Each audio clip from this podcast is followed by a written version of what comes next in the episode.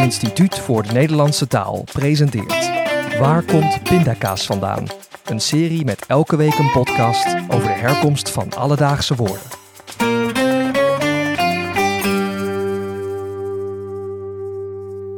Weinig dingen spreken zo tot de verbeelding als de dood.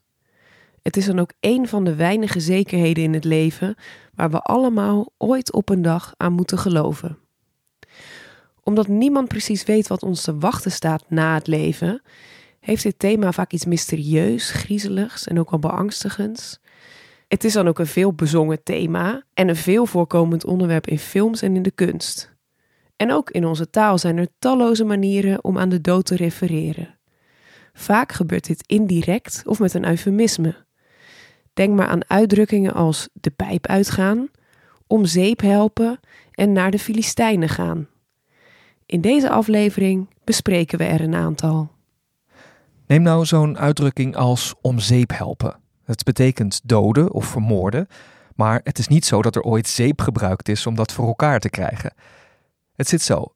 Als je in de 17e eeuw om zeep ging, ging je letterlijk de deur uit om zeep te kopen. En door de jaren heen bleven mensen dat als uitdrukking gebruiken, ook als ze andere boodschappen gingen doen. Later werd het zelfs nog algemener gebruikt voor gewoon even weg zijn.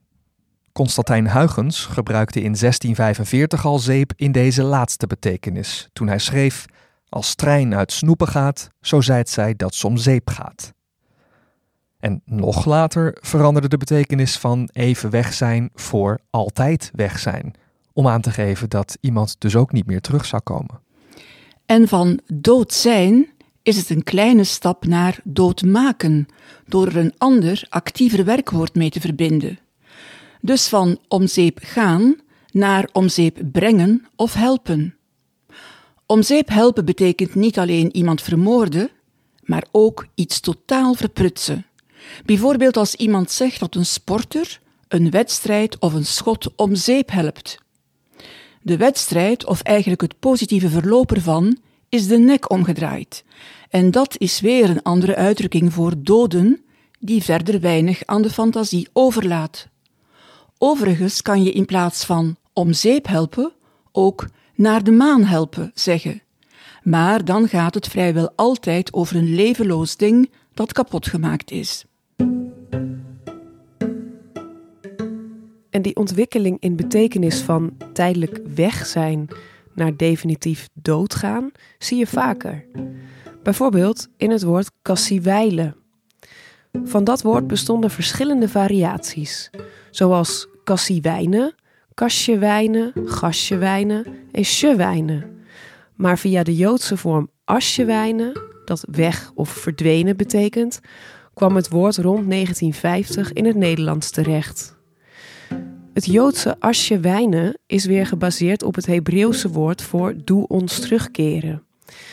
Dat is het laatste van een serie Bijbelversen die worden gezegd na de voorlezing van de Torah in de synagoge, bij het terugplaatsen van de Torahrol in de ark.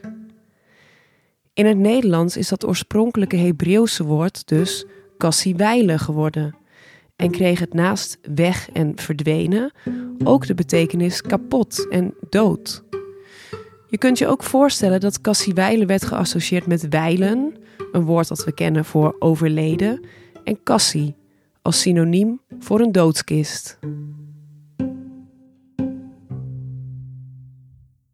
Een andere manier om doodgaan of ten onder gaan onder woorden te brengen is naar de puntje puntje gaan, waar je dan van alles kunt invullen op die plek van de puntjes, zoals Filistijnen, Galamiezen of Barbiesjes naar de Filistijnen gaan, vindt zijn oorsprong in de Bijbel. De Filistijnen waren een zeevolk, zo rond 200 jaar voor Christus, en waren als ongelovigen tegenstanders van de Israëlieten. Dus als je naar de Filistijnen ging, kwam je in de handen van ongelovigen en was je dus verloren. Een bekend voorbeeld is de Bijbelse Samson, die zijn kracht verloor toen zijn Filistijnse vrouw zijn haren afknipte. Naar de Galimiezen gaan is een voorbeeld van bargoens, een oude geheimtaal voor dieven, klaplopers en handelaren. Dit Galamiezen gaat terug op het Hebreeuwse galamis, dat kiezels, puin of gruis betekent, waardoor de uitdrukking letterlijk iets betekent als tot gruis vergaan. Naar de Barbiches of Barbiches gaan heeft te maken met een locatie, namelijk Berbice in het voormalige Brits-Guyana.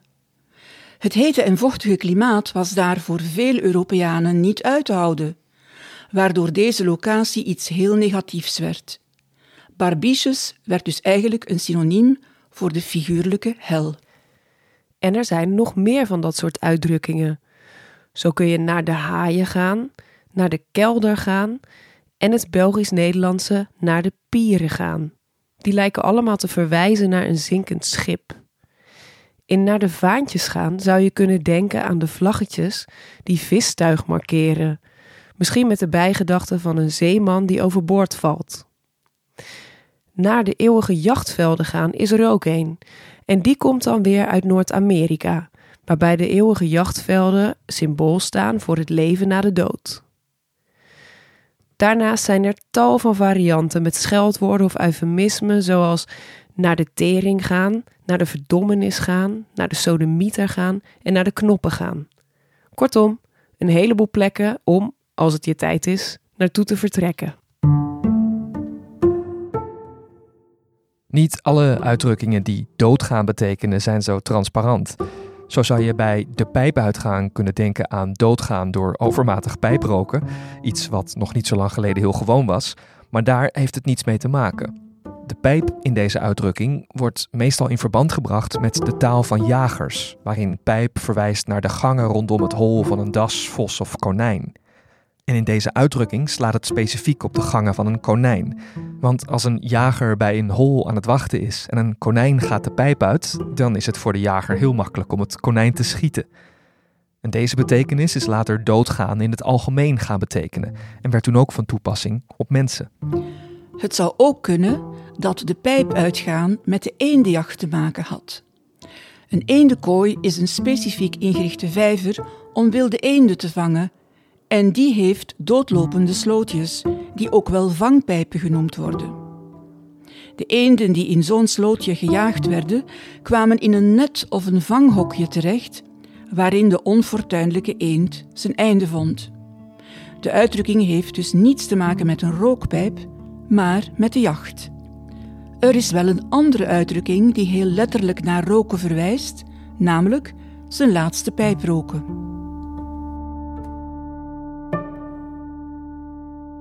Maar uiteindelijk maakt het niet zoveel uit of je nou de pijp uitgaat, naar de eeuwige jachtvelden vertrekt of kassiewijlen bent. Het resultaat blijft hetzelfde. En als de galamiezen of de barbiches je te ouderwets in je oren klinken, kun je er altijd nog voor kiezen om derde te gaan. Dat is een wat hedendaagse woord uit de Surinaamse taal Sranantongo. En als je dan derde bent, ben je volgens de jeugd van tegenwoordig alsnog in de lucht als sterrenstof. Dan ik